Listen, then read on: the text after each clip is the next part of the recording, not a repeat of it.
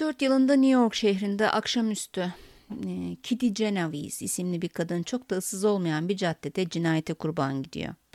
Bu olayda ilginç olan ne biliyor musunuz? Kadına saldıran şahıs dakikalarca kadına tecavüz etmeye çalışıyor. Başaramayınca darp ediyor, öldürmeye çalışıyor. Kadını yaralı halde bırakıyor. Bir süre sonra tekrar geliyor ve kadını öldürüyor. Bu çok acı ve korkunç sürede bir saat, bir saat boyunca zavallı kadın çığlıklar atarak yardım istiyor. Polis olay yerine geliyor ancak resmi ihbar olaydan tam bir saat sonra yapıldığı için geç geliyor. Çevreyi inceliyor. Kadının öldürüldüğü bölgede olayı kimsenin duymaması imkansız tabii değil mi? Çevre evleri incelediklerinde olayı 37 mahalle sakininin gördüğü hatta bir kısmının sonuna kadar da pencereden izlediği ancak hiçbirinin olaya müdahale etmediği gözleniyor. Bu olay sonrası bir polis şefi gazeteci arkadaşıyla konuşurken durumu anlatıyor. Gazetecinin de ilgisini çekiyor ve haber yapıyor. Tabi haber sonrası Amerika'da büyük infial. Psikologlar, psikiyatristler, sosyologlar falan olayı incelemeye alıyorlar. Olaya tanık kişilerin hepsi bir başkası mutlaka polise haber verir veya müdahale eder diye duyarsız kalmış. Kadın bu nedenle kalabalığın ortasında bildiğiniz öldürülmüş. E, bu sosyal davranışa katledilen kadının adı verilmiş ve Genovese sendromu diye adlandırılmış. Sosyal psikolojide bir diğer adı da aslında seyirci e, sendromu, seyirci efekti de olarak da hani e, bakmak isterseniz görebilirsiniz internette de. Yaşananlara o duyarsızlıktan hani çok başkasına yükleme, bekleme, sosyal kaytarma, sorumluluğun dağılması gibi şeyler yükleyebiliriz aslında. Hani nedir? Birisi çözer, birisi yardımcı olur, birisi mutlaka görmüştür, birisi mutlaka bir dilekçe verir, birisi mutlaka telefon eder değil mi?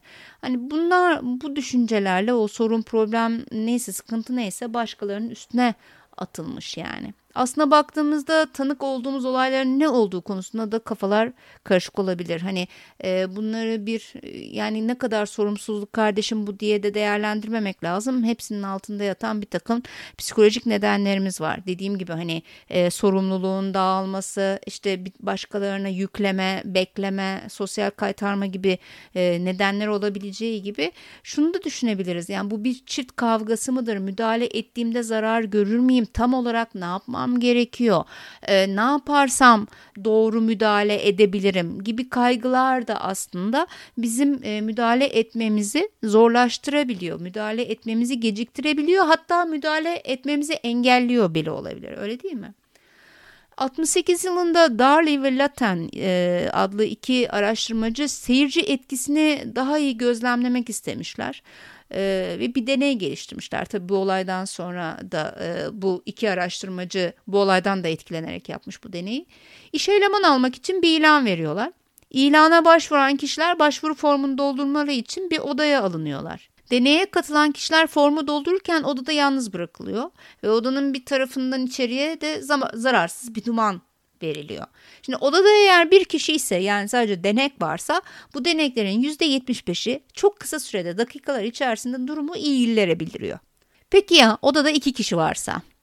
O zaman yetkilileri haberdar etme oranı kaça düşüyor biliyor musunuz? %38'e. 75'ten 38'e.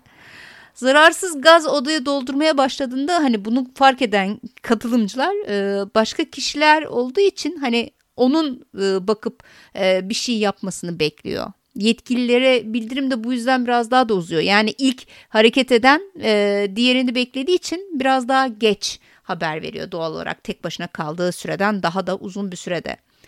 Hani şahit olan kişi sayısı arttıkça anlayacağınız olaya müdahale eden ya da kurbana yardım eden kişi sayısı da azalıyor. Yani bu sebeple e, ez cümle diyeceğim şu arkadaşlar. Kalabalık bir yerdeyseniz birisi ambulansı arasın, polisi arasın demek yerine sorumluluk almak hayat kurtarabilir. Siz arayın. Eğer zarar gören sizseniz de yardım edin demeyin. Birini direkt olarak hedef alın. Yani birine gözünüzle bakarak yardım et bana deyin lütfen. Yani bu da bir öneri olacaktır. Umarım hiçbirimiz hiçbir şekilde ne seyirci olarak ne de e, kurban olarak böyle olayların içerisinde yer almayız. Görüşmek üzere. Hoşçakalın.